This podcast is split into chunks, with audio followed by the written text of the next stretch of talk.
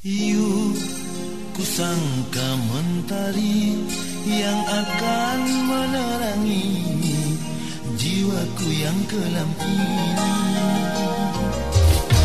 Yuk kusangka sebening embun yang mampu menyejukkan hatiku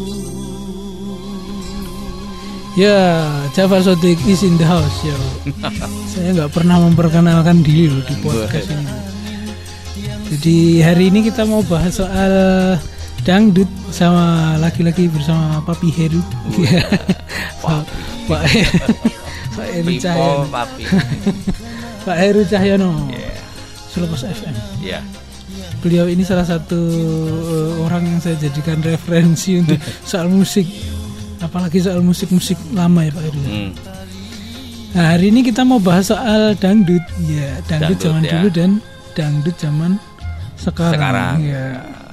Kalau Dangdut zaman dulu itu yang tahun berapa dulu? tahun berapa ya? Kalau dangdut kalau zaman dulu banget kan dangdut kan belum jadi dangdut ya. Ya belum. Misalnya Jadi kalau, kalau kita bicara dangdut eh, perbedaan dangdut eh, dulu sama sekarang itu kan kita juga harus eh, yang dulu pun juga Nite itu ya? mengalami eh, kalau era beberapa- keemasan itu sebenarnya tahun berapa, Pak? dangdut. Hmm. Dangdut 80 90 masih Era keemasan. era, ya? era keemasan. Eranya siapa itu? Era Raja Dangdut kah? Roma Kalau? Roma Irama kan masih sampai sekarang dia label Raja Dangdut itu nggak nggak nggak bisa hilang dari Tapi kok di zaman di zaman sekarang nggak pernah ada ya, misalnya Raja Raja Indie gitu. Kalau zaman dulu Raja Pop ada, ya Raja Ya. Dangdut ada. ya Nah, Raja Dangdut di eranya Roma Irama keemasan di tahun berapa? 80. di iya 7 70 80 90 Kenapa dia disebut itu karena dulu memang dia sangat fenomenal fenomenal sekali di musik dangdut kan. Dia juga menciptakan sesuatu yang baru di musik Hmm. dangdut pada saat itu. Dengan seiringnya banyak musik-musik luar yang mulai masuk ya di era Orde Baru ya. Hmm. Berbeda ketika di di Orde Lama kan itu musik-musik barat nggak bisa masuk, nggak bisa bebas masuk ya. Mereka sembunyi-sembunyi kan mendengarkan lagu-lagu barat di era itu. Nah, dengan adanya Orde Baru masuk peralatan apa pun sudah mulai berkembang masuk ya terus di mix Hmm. yang tadinya Melayu jadi bisa ada rocknya, Iya. ada Berarti jazznya. rootsnya akarnya Melayu. Ya, jadi sebetulnya kalau kita berbicara soal dangdut itu dia terpengaruh sama satu India, India. India. Yang kedua eh, gambus. Nah, Oh, Gambus. Arab. Ada Ya, Arabnya Arab, juga. Musik-musik Arab. Heeh, Yang ketiga Melayu. Melayu. Itu pertama yang itu pertama. Jadi akhirnya tercampur situ. Mungkin di tahun 50 ada lagunya Elia Kadam, boneka dari India. Itu juga musiknya jadi kayak India gitu. Boneka dan Ya, boneka cantik Ya, itu. dari itu musiknya India. kayak musik India. Heeh. Ya disebutnya pada saat itu masih Melayu Hmm. pada pada era itu. Makanya orkes eh, yang ngiringi sampai sekarang disebut orkes Melayu gitu. Orkes ya? Melayu ya. Om-om itu ya. Ya Om Hmm. kan nggak pernah tante kan, mesti Om. Dan itu pasti nggak pernah jalan karena Melayu. Oh iya. Iya kan? Aku mikirnya suwe. Makanya uh, musiknya kan ini kan Cepet ya. cepet ya. Ah, ya, karena Melayu itu tadi ah, mungkin karena ya. Melayu. Cobalah misalnya orkes jalan gitu mesti alon-alon. banget. Alon-alon. Kayak lagu-lagu. Ya. Jadi uh, istilah dangdut itu muncul justru pada di tahun 70-an ketika Hmm. Roma Irama itu. Itu ya dulu kalau nggak salah Putu Wijaya itu pernah menulis di koran apa ya di sebuah surat kabar lah itu. Hmm. Jadi itu eh, perpaduan antara musik itu dan mu- ada kendangnya kan Hmm. dangdut dangdut dangdut Nah, itu Kendangnya kulit lembut. Nah itu suara dang suara kendang yang tangdut dangdut itu Ah. terus akhirnya dikonotasikan musik dangdut. Oh, gitu. Eh, Iya musik dangdut. Tapi itu memang lagunya Loma Irama soal eh, itu sejarah dangdut memang seperti itu. Yang Iya. lagunya. heeh. Heeh. Oh. Jadi istilah dangdut itu justru muncul ketika eh, di tahun 70-an Hmm. ketika Roma Irama itu Roma Irama dan Elvis Sukaesih ya, Hmm. pada saat itu Arafik pada masa itu dan itu mulai dangdut itu apalagi Arafik itu gayanya kayak India sekali Hmm. dia gayanya sangat India sekali Dan mix dengan Elvis. Iya, makanya kan ident, identik eh, dangdut itu identik di tablanya itu, di gendangnya itu kan, Hmm. di tengah. Terus semakin ke sini Roma Irama juga semakin ber eh, reformasi toh. terus membawa musik-musik rock masuk ke situ. Terus Iya. akhirnya ada dangdut rock. Hmm. Dangdut rock terus kemudian di tahun 80-an muncul eh, Tarantula. Apa tuh? Itu orkes dangdut juga. Hmm. Tarantula itu yang bentuk eh, Reynold Panggabean, Hmm. dulu drummernya grup Mersis Hmm. sama istrinya waktu itu Camelia Malik. Hmm. Tarantula itu juga terpengaruh dengan musik rock. Jadi dia dangdut rock, dangdut rock. Dung dung dung rot. Ya ada eh, ini ya, tapi ada drumnya juga. Hmm. Jadi Soneta kan juga gitu, Hmm. ada drumnya juga. Cong kalau congdut apa tuh? Nah itu beda lagi, itu keroncong sama dangdut itu. Tapi memang lagu dangdut bisa masuk di segmen eh, Iya, apa, di itu karena- model lagu apa Iya. aja?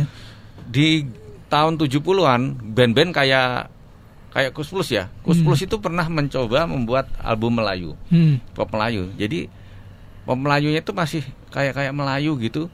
Bassnya tidak dung dung, tapi deng deng itu deng deng masih masih seperti itu. Hmm. Tapi ada juga yang eh, dangdut banget ada.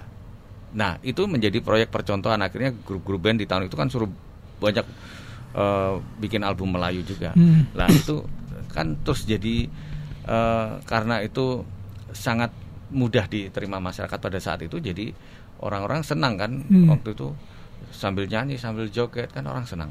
Terus semakin ke sini eh, dangdut pun juga mengalami perubahan, perkembangan. Lah yang saya bilang itu tadi Roma Irama memasukkan unsur-unsur rock dalam musik Hmm. musik dangdut. Kemudian apa yang dilakukan Kamela Malik? Saya pernah beli satu album tuh Murah Meriah. Albumnya Murah Meriah. Memang judulnya Murah Meriah. Judulnya murah meriah. Murah ya? meriah Bukan lagunya karena itu. murah. itu Tarantula. Jadi saya mendengarkan itu, ya itu ada beberapa lagu yang eh, apa namanya eh, yang lirik-liriknya bukan hanya cinta saja, tapi juga Hmm. tentang pembangunan. Pada saat itu kan ada Repelita itu, Hmm. Wajib belajar. Oh, juga ada kritik sosialnya juga? Ada juga. Hmm. Jadi itu tentang eh, Repelita. Hmm. Karena artis dulu kan pro pemerintah sekali kan. Hmm. Nah, itu musiknya rock, rock dangdut, Hmm. jadi agak beda ya. Itu berkembang terus s- berkembang ada yang murni dangdut biasa, ada yang campur rock, terus melangkah ke tahun memasuki tahun 90 ada lagi satu warna yang dangdut itu merupakan eh, musik musik yang dicampur-campur dengan seperti rap dan lain sebagainya itu muncul lagi di tahun 80 misalnya kopi dangdut Hmm. itu kan juga beda Sam. beda Iya. lagi Eh, kalau itu misalnya eh, campur sari, apakah itu juga ada Nah. unsur dangdutnya? campur sari. Orang pasti kalau eh, campur sari itu sebetulnya eh, perpaduan antara musik pentatonis dan diatonis. Hmm. Sebetulnya yang benar-benar campur sari itu mantos. Iya. Itu kalau kalau Didi Kempot saya bilang itu bukan campur sari, Apa itu? dangdut Jawa. Oh, dangdut Jawa. Dangdut Jawa kalau Kenapa saya bilang. bisa gitu? Ini saya jarang banget Karena musiknya kayak dangdut. Ha-ha. tapi liriknya lagu Jawa. Oh, jadi Kalau campur sari kan eh, campur sari itu agak-agak ada kelenengannya, musiknya Hmm. itu antara pentatonis dan diatonis jadi satu. Kalau yang Didi Kempot itu eh, yang ini diatonis, musik-musiknya Oh, yang diatonis. Pentatonis itu kan musik-musik tradisi kayak gamelan gitu loh. Nah, saya itu dulu pernah ngobrol sama almarhum nenek saya. Mm-mm. Dia bilang lagunya eh, Didi Kempot itu lagu Melayu kata. Jadi Iya. itu lagu Melayu. Waktu saya bilang enggak ini campur sari ini bukan lagu Melayu. Ini Ya lagu betul. Melayu Ya, mungkin yang di yang dimaksud neneknya Jafar itu Melayu dangdut itu. Iya Melayu dangdut Iya, karena dangdut. dia yang nyebut lagu dangdut itu selalu lagu Melayu. Ya, jadi memang itu peni- penafsiran yang sudah salah sebetulnya. Salah karena memang pada saat itu istilah campur sari lagi ngetop kan. Hits ya, lagi hits, ya.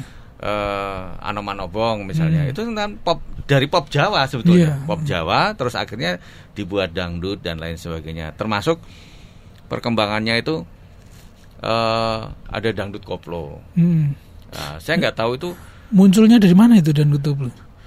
Kalau sementara yang saya tahu itu karena mungkin ya irama musiknya kan waktu itu agak-agak yang eh, ke hosmik hosmik musik Hmm. house gitu kan musik house yang notabene musik house itu eh, banyak didapat di diskotik diskotik Hmm. banyak orang sambil eh, apa mengkonsumsi koplo dan lain sebagainya lah itu mungkin dari dari Hmm. Dari, itu, ya akhirnya iya. berkembang. Ya, tapi memang terus istilah koplo itu muncul zaman koplo. sekarang orang kalau di mana saya juga heran di mobil apa pun Mm-mm. di mo- ning mobil mertua ataupun di mobil di supir-supir bus Iya.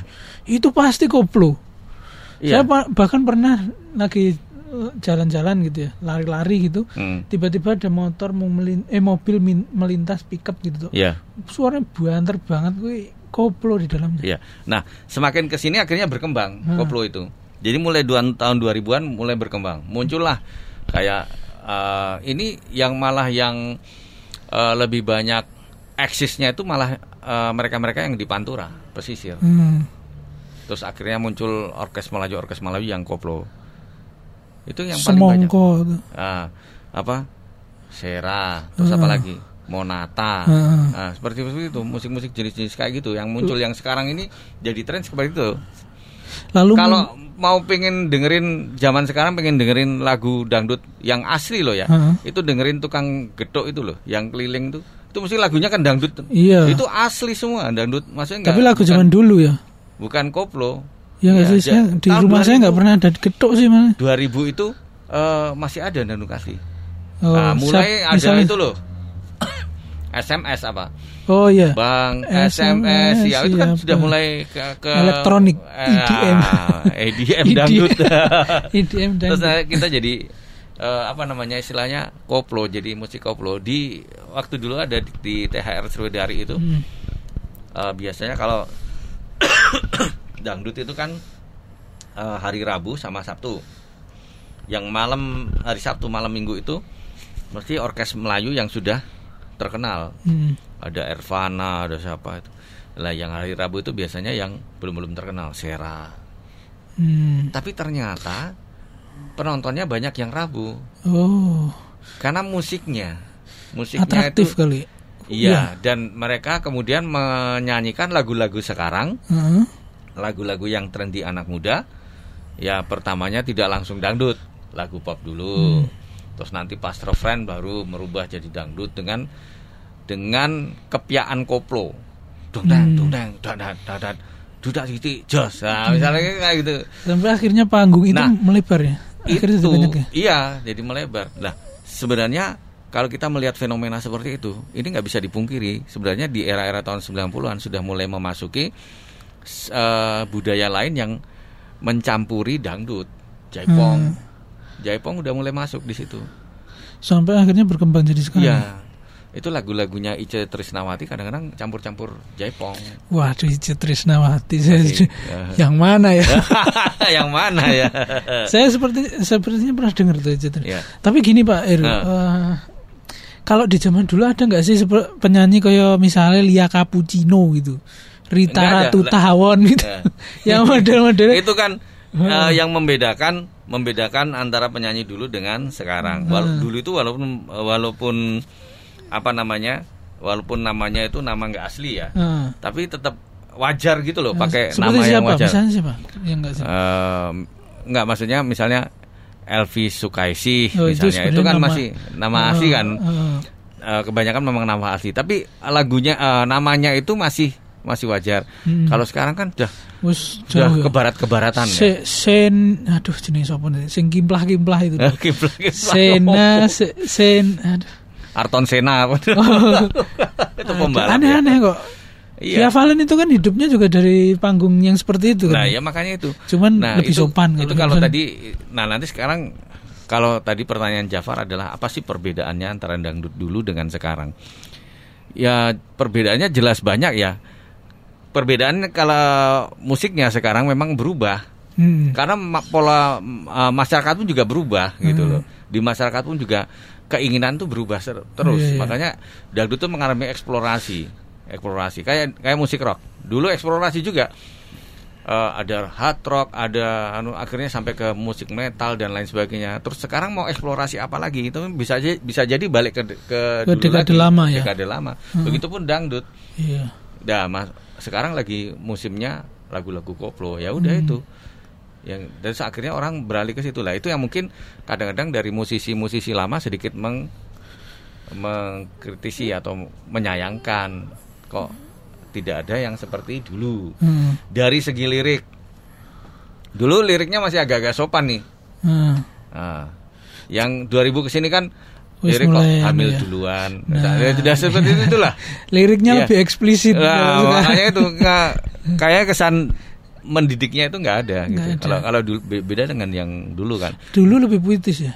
Lebih Lebih putih, putih. lebih putih. terus- Lagunya saya masih ingat lagunya Mansur S yang Kana. ya. Lagunya Mansur S yang apa Rembulan Iya. bersinar lagi Nah, itu. cengkoknya kan juga Oh, cengkok iya, dangdut sekali kan pada Cengkok- saat itu. Cengkok nyanyinya itu. Cengkoknya beda ya.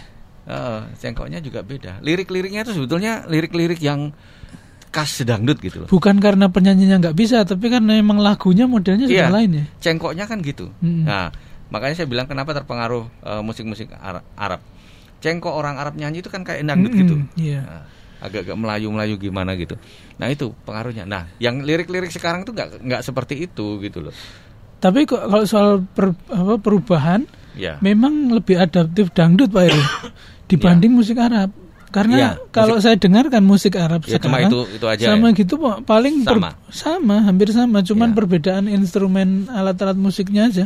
Ya. Kalau cengkok dan gaya bernyanyi sama. lagu India kan juga gitu kan Heeh. sama cuma mungkin kalau kadang-kadang kalau India itu kan ada campur-campur diskonya juga gitu kan misalnya ada disco India disco Arab Hmm. itu juga mereka menyesuaikan dengan musik zaman, sekarang ya, ya dengan musik zaman ya, sekarang. dengan selera pasar gitu ya. ya tapi a- apa tidak hilang jadi esensi lagu Arab itu nggak hilang ya Hmm. gitu-gitu terus itu Eh, tempat kita itu yang ini lagu aslinya yang nggak apa dangdut asli itu kadang-kadang nggak nggak Nah, muncul nuansanya udah lain. Nuansanya udah perbedaannya udah Oh, oh. jauh banget ya. jauh banget dari liriknya terus pakaian Waduh, itu tapi saya, saya mau pakaian menghala tuh meng-highlight dulu agak-agak sopan loh yang sekarang mungkin agak Ya, saya mau meng-highlight. Inul Daratista waktu Nah. pertama kali muncul. Apakah benar itu yang pertama atau sebenarnya se- sebelum itu sudah ada yang setidak sopan itu gitu? Eh, kita Ah, itu terlepas ya- itu dari pertama. terlepas dari nilai itu kesopanan fenomena yang kalau saya bilang itu sebelumnya nggak ada Hmm. kecuali dalam tanda titik dangdut-dangdut sekaten Heeh. itu mereka pak pakaiannya eh, seronok sekali Tapi itu kan Itu sering offline. ya? iya kan dulu sering Nggak- di ini kelihatan. sering di nggak kelihatan makanya yang yang dianukan di TV itu kan Iya. di yang yang menjadi konsumsi publik yang Hmm. dilihat anak-anak kecil itu itu baru itu makanya kan dulu Ada eh, sampai ya, ada goyang aneh-aneh. akhirnya kan terus ada inul ngebor terus Hmm. ada ngecor apa gergaji nah, itu lama-lama nanti penyanyi itu bikin rumah itu Goyang. ya sudah ada ngecor sudah ada gergaji ngebur bikin rumah dia nanti Sekarang ada goyang dribble. Ah. Wah, gue lu ngeri nih, udah Iya. maksiat lagi. Jadi ah, makanya itu kan perbedaannya satu lirik ya. Hmm. Yang kedua kualitas, kualitas suara. Hmm. Nah, ini ini juga saya Kualitas suara orang penyanyi dangdut dulu itu lebih mengedepankan kualitas suara ah. daripada Saya setuju secara banget. fisik. 100% Kalau yang sekarang itu saya. fisik dulu baru Ah. kualitas suara. Ah, bener, ah, bener. Gitu. Saya masih ingat saya, eh, nenek saya tuh punya kaset pita yang saya setel di tahun Hmm. dua. Terakhir kali saya nyetel radi eh, apa kaset pita itu tahun Hmm. 2007. Eh, Rita Sugiarto. Rita Sugiarto. Itu suaranya meskipun kaset pita Ya. dengan kualitas suara yang beda dengan yang dis ya. Itu waktu Hmm, itu kan hmm. sudah dis. Itu jauh beda. Iya. Iya, ma- mungkin karena nuansa musiknya juga beda dan eh, apa eksplorasi terhadap suaranya juga lain Hmm, gitu. hmm. Jadi akhirnya kualitasnya bisa sangat terlihat ya. Iya, iya. Mansur S, Meggy Z kayak gitu-gitu ya. Iya. Jadi eh, memang kualitas penyanyi dangdut dulu sangat luar biasa, baik itu yang eh, pria maupun yang wanita. Beda dengan yang sekarang. Yang sekarang itu eh, apa ya?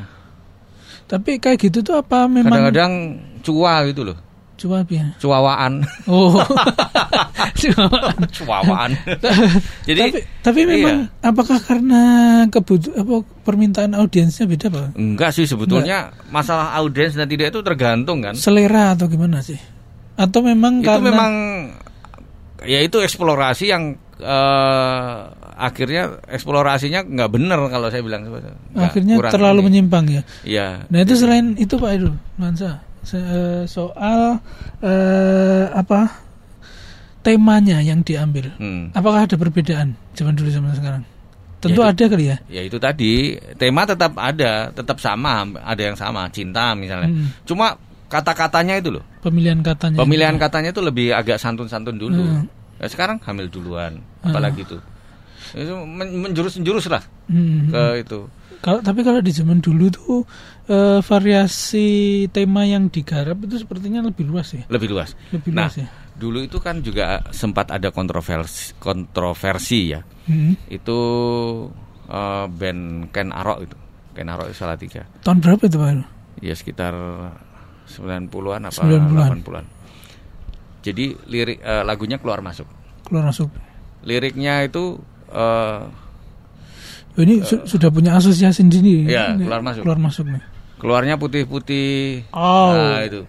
Pa- itu kalau padahal dia menceritakan itu orang merokok. Oh. Tapi kan konotasi Iya. pada saat itu kan udah beda lagi. Orang udah punya tema Ya, sendiri di sudah kepalanya. punya tema sendiri. Nah, itulah. Memang sih ada sih yang dulu nyerempet-nyerempet sedikit ada. Itu jadi heboh waktu itu. Jadi heboh tapi ya juga Langsung tenggelam. Bisa, ya. Bisa dianu sih. Karena memang dulu lebih ketat ya eh, penyaringannya eh, apa namanya?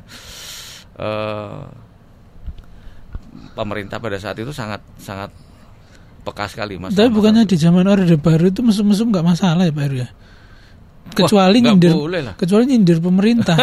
sama saja. Sama aja? Sama aja. Jadi yang konotasi oh tahun 8 87 itu pernah lagu-lagu pop cengeng di Bredel loh. Kenapa?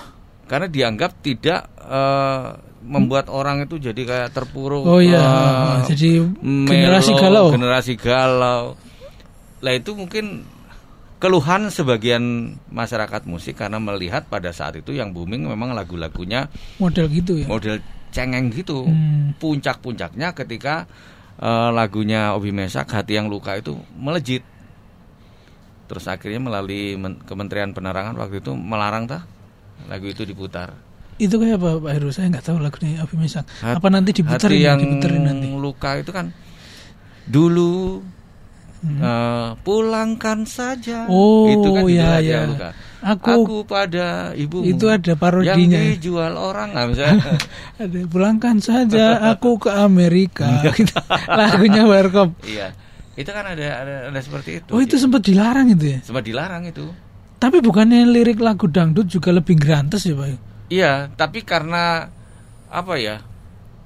eh, musiknya sudah mendayu dan itu eh, liriknya cerita sedih terus. Jadi Hmm.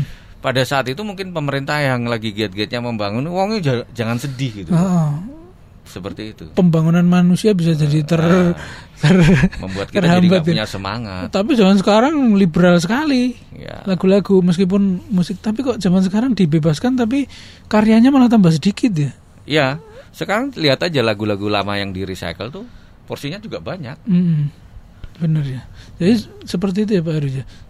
Begitu maju tahunnya, Mm-mm. terus jenuh, balik lagi ke Iya, gaya awal. iya, gitu. itu berlaku di mana pun, di fashion, Hmm. di mana pun, nanti akan kembali lagi ke sana. Hmm. Lagu rock juga gitu, lagu pop juga gitu. Nanti trennya- Sekarang ini banyak yang sudah merindukan lagu-lagunya era-era Krisya, era-eranya Hmm, Dian iya, Pramana Putra. ah, itu banyak udah orang merindukan sekali Hmm, lagu-lagu yang seperti benar, itu. benar tuh.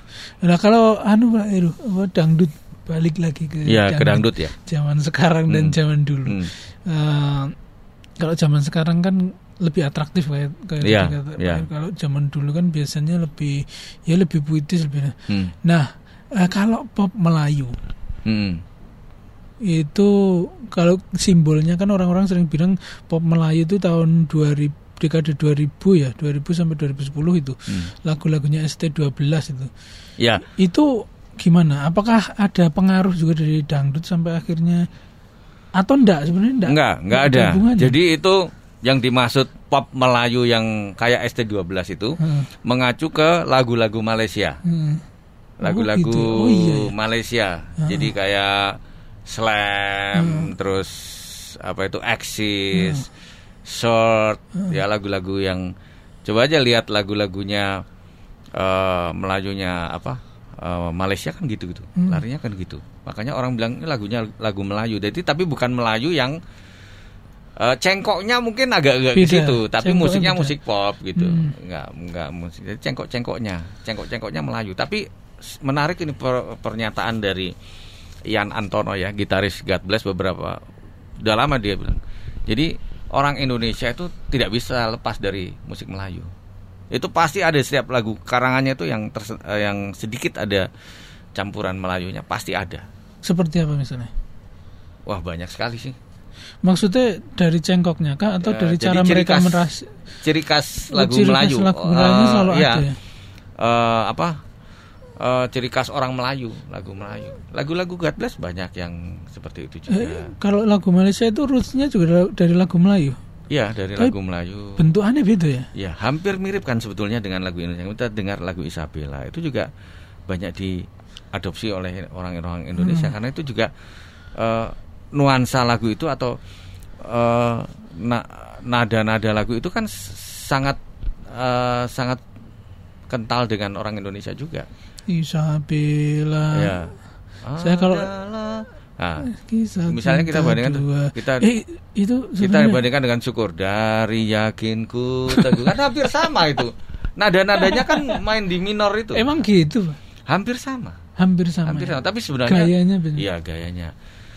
Terus sebenarnya kalau kita bicara masalah li- apa not-not yang seperti itu, lagu barat pun juga ada yang kayak gitu, tapi tidak tidak Tidak menonjol. Tidak menonjol. Dan tidak kons- sekonsisten orang Terutama Indonesia. di Eropa kalau saya di Eropa itu paling banyak. Dulu waktu Sting gaet eh, penyanyi Mesir namanya Ya. Cep Mami itu. Cep Mami. Lagunya Desert Desert mo- eh, di, di Desert ada Rose, Desert, Desert nah, Rose. Desert Rose Ya, itu.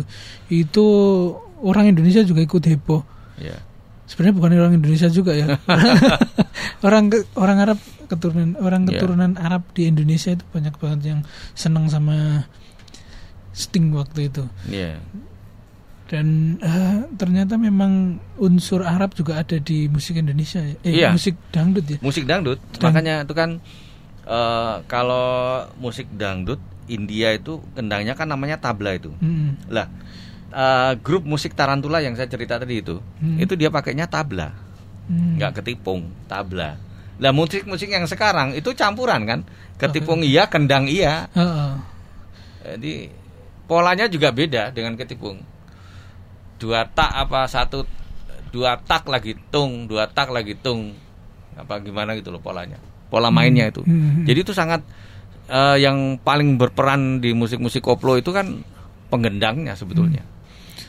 Dan itu biasa sebetulnya sebetulnya ada di musik-musik tradisional di Jaipong. Hmm.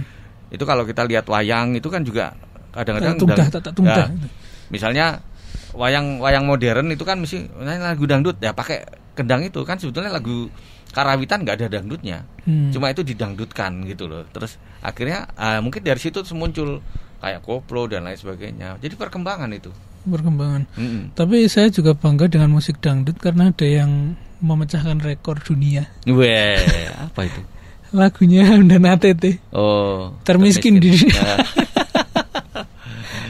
Tapi memang aneh loh apa saya pernah dengar satu lagu Ah. yang grantus banget tuh tentang orang gelandangan. hmm. Langit sebagai atap rumahku dan bumi sebagai lantainya. lagunya itu Roma kan Irama oh lagu Roma Irama ya? iya itu judulnya gelandangan Gelandangan juga tuh. Hmm. Ya, itu kan nggak harus percintaan tapi tetap Iya. grantus juga. Ya, gelandangan itu.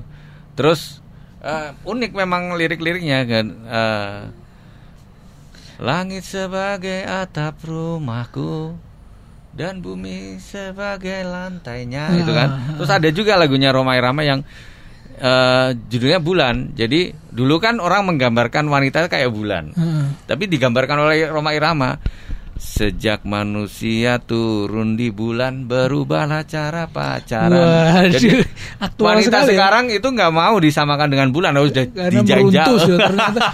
Dicedai meruntus it- it- Itu jadi kayak fenomena yang menarik gitu. Oh, Jadi lagu-lagunya Lagu-lagu liriknya itu juga variatif Kalau Roma Irama itu. Hmm. Walaupun dia berdakwah ya Nah itu juga Nah, ya. Dia berdakwah Tapi kan Sepertinya orang yang pakai dangdut buat dakwah Roma Irama ya. baru Tok ya? Roma Irama ya baru Roma Irama dia kan juga pernah eh, bikin lagu judulnya Gibah itu Heeh. Nah, itu kan kuman di seberang lautan jelas kelihatan. Heeh.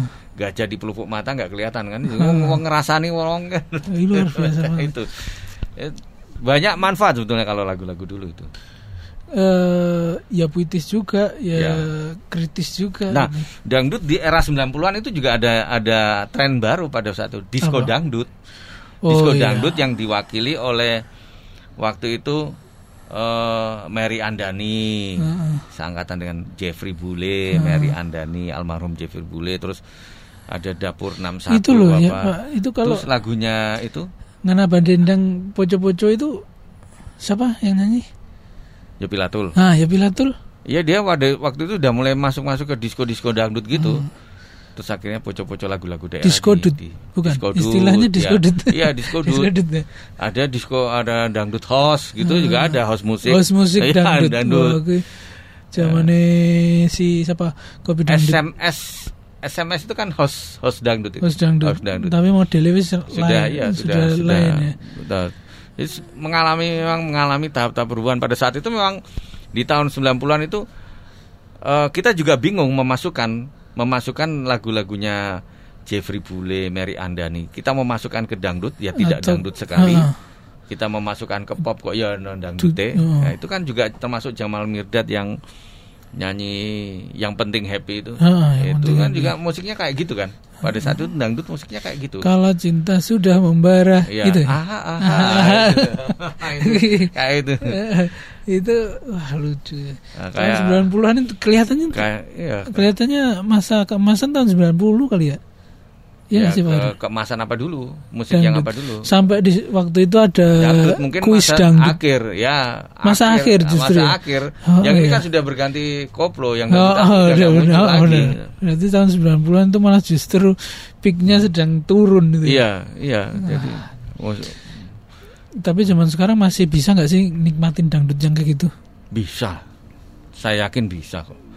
Tapi nggak ada orangnya. Makanya eh, berani nggak orang merubah merubah Mindset industri, yang- industri, Oh, mindset. merubah industri, Heeh. industri industri musiknya dirubah. Ada nggak orang yang berani memproduseri musik eh, dangdut asli? Coba lah kalau ada yang berani, bisa. Mm-mm. Ini ini cerita aja ya. Di tahun akhir tahun 70-an sebuah radio itu bisa merubah merubah tren industri musik pada saat itu. Apa tuh? Seperti apa? Dulu tahun 77 mungkin saking jenuhnya dengan warna-warna musik Panbers, Deloitte, Coast Plus dan lain Hmm. sebagainya. eh, Sis NS almarhum waktu itu dia di Prambos membuat lomba cipta lagu remaja. Hmm. Cilapop. LLC lomba cipta lagu remaja LCRL eh, Hmm. LCLR tahun 77 juaranya lilin-lilin kecil Jamar Hmm. Sunda itu sudah beda warna musiknya terus ke Hmm. tahun 78 ada Kidung akhirnya ber- setiap tahun hadir itu dengan musisi-musisi yang segar pada saat itu Joki Hmm. Suryo Prayogo Faris Rustamunaf Ken Nasution akhirnya itu menjadi tren tren di tahun 80 jadi mereka benar-benar radio bisa dari ajang radio itu Hmm. Jadi, bisa loh merubah itu. jadi prinsipnya anu ya, hmm, lebih baik sedikit beda kayak Panji. Nah, Praga. Panji itu. Eh, lebih baik sedikit beda daripada sedikit lebih baik gitu. Iya. Wah, Tapi ya Pok, maksud maksudnya di zaman yang seperti koplo sekarang ini Ya. memang masih ada orang yang seperti itu gitu. Nah, itu harus dibutuhkan keberanian. Tapi ada kali ya, kayak misalnya Nasar gitu. Nasar kan Bisa juga masih eh, kemarin terakhir aku lihat Nasar tuh nyanyi Jap, Zapin. Itu suaranya bagus tuh, cuman Ya masih ada sih sebetulnya kalau sekarang yang sayang. yang nyanyi-nyanyi asli sebetulnya masih ada.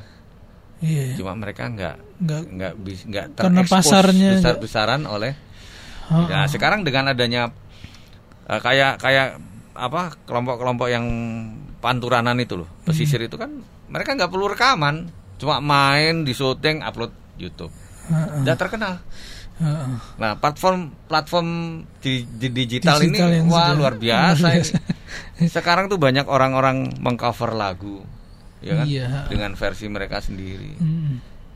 Tapi kadang gitu malah merus- ngerusak Pak Heru. ya nggak sih Iya, lagu eh, seperti TikTok misalnya Ya. lagu opo terus dikoplok lagu dangdut lawas lagu-lagunya eh, itu kemarin saya lihat Mm. tuh lagu nih eh, siapa ya Hamdan ATT kalau nggak salah Hmm. itu didadekke koplo Hmm. nuansanya jadi aneh itu Iya. dan dipotong lagi satu menit akhirnya kan akhirnya kan nggak nggak jadi Makanya dengan adanya TikTok gitu kan terus sebetulnya ada sisi positifnya sih. Mm, Anak-anak sekarang jadi tahu lagi lagu-lagu lama. lagu-lagu lama Iya. kayak kopi dangdut kopi dangdut Iya. itu sebagai informasi eh, pemenang TikTok Award di tahun 2020 untuk lagu terpopuler Iya, kopi makanya. dangdut Terus lagu yang usianya 20 lagu-lagu tahun, tahun 30 tahun. 90-an lagu-lagu pop banyak tuh yang buat TikTokan Nah, gitu, banyak di remix di remix di gitu. remix gitu. Jadi malah sekarang pada anak-anak sekarang pada malah justru bisa kenal dikit lah dengan lagu-lagu tahun 90-an itu. Hmm. Iyalah, banyak platform, banyak eh, tempat untuk berekspresi. Ya, itu ya. termasuk perbedaan juga dangdut sekarang dengan dangdut dulu. Dulu itu dulu itu Exposure-nya minim gitu kali. Iya, eks, eksplornya lewat ini apa? Lewat dunia rekaman. Dangdut sekarang kan nggak Iya, perlu. di mana-mana udah. Ya bikin bi, katakanlah bikin satu lagu aja langsung, langsung di-upload di YouTube. Udah yang nonton berapa juta. Heeh. Ya, itu udah cukup itu. Tapi saya malah nggak dimanfaatkan ya. Kalau zaman Oh. dulu malah orang effortnya eh, sulit, tapi orang akhirnya punya kebanggaan buat menelurkan satu lagu. iya, betul. Jadi proses eh, dia bangga karena prosesnya juga sulit. Heeh. Beda dengan sekarang. Sekarang anak-anak sekarang ya ini contoh ya, anak-anak sekarang belajar musik. Saya bilang sama anak saya, kamu belajar musik, kamu main drum. Tapi lebih jago orang-orang zaman Bapak. Kenapa? Orang-orang zaman Bapak main drum. Misalnya mau ngedrum lagu ini, itu dia dengerin betul-betul.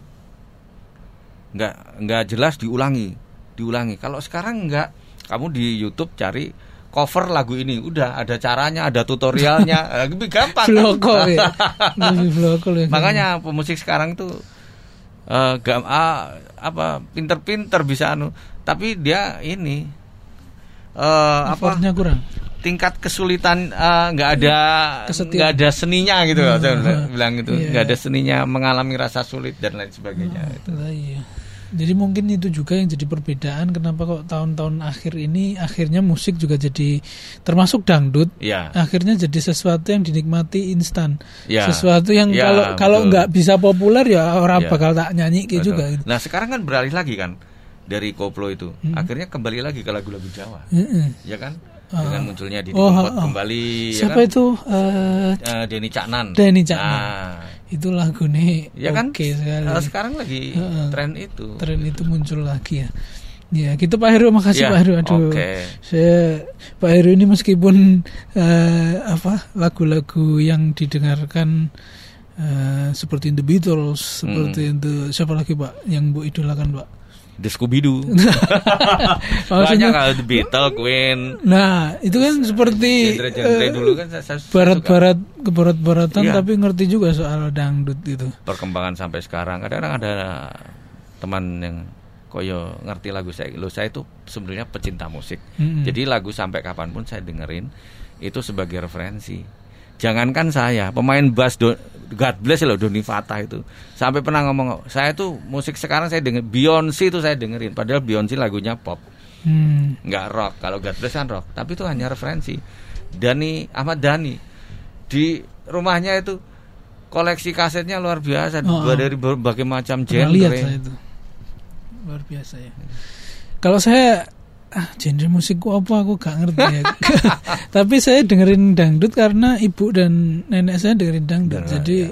ngerti dangdut dari situ gitu. Tapi dan, dan akhir-akhir ini saya makin se, se- apa makin sedikit dengerin dangdut karena yang eh, banyakan diputar di mana-mana itu malah justru musik-musik TikTok gitu tuh. Iya Musik-musik apa itu musik-musik Korea juga banyak BTS, Hmm, hmm. BTS apa apa nih kuwi Eh, Pink Blackpink, Blackpink, gitu-gitu. ya. Kalau musik dangdut sekarang sudah jarang banget.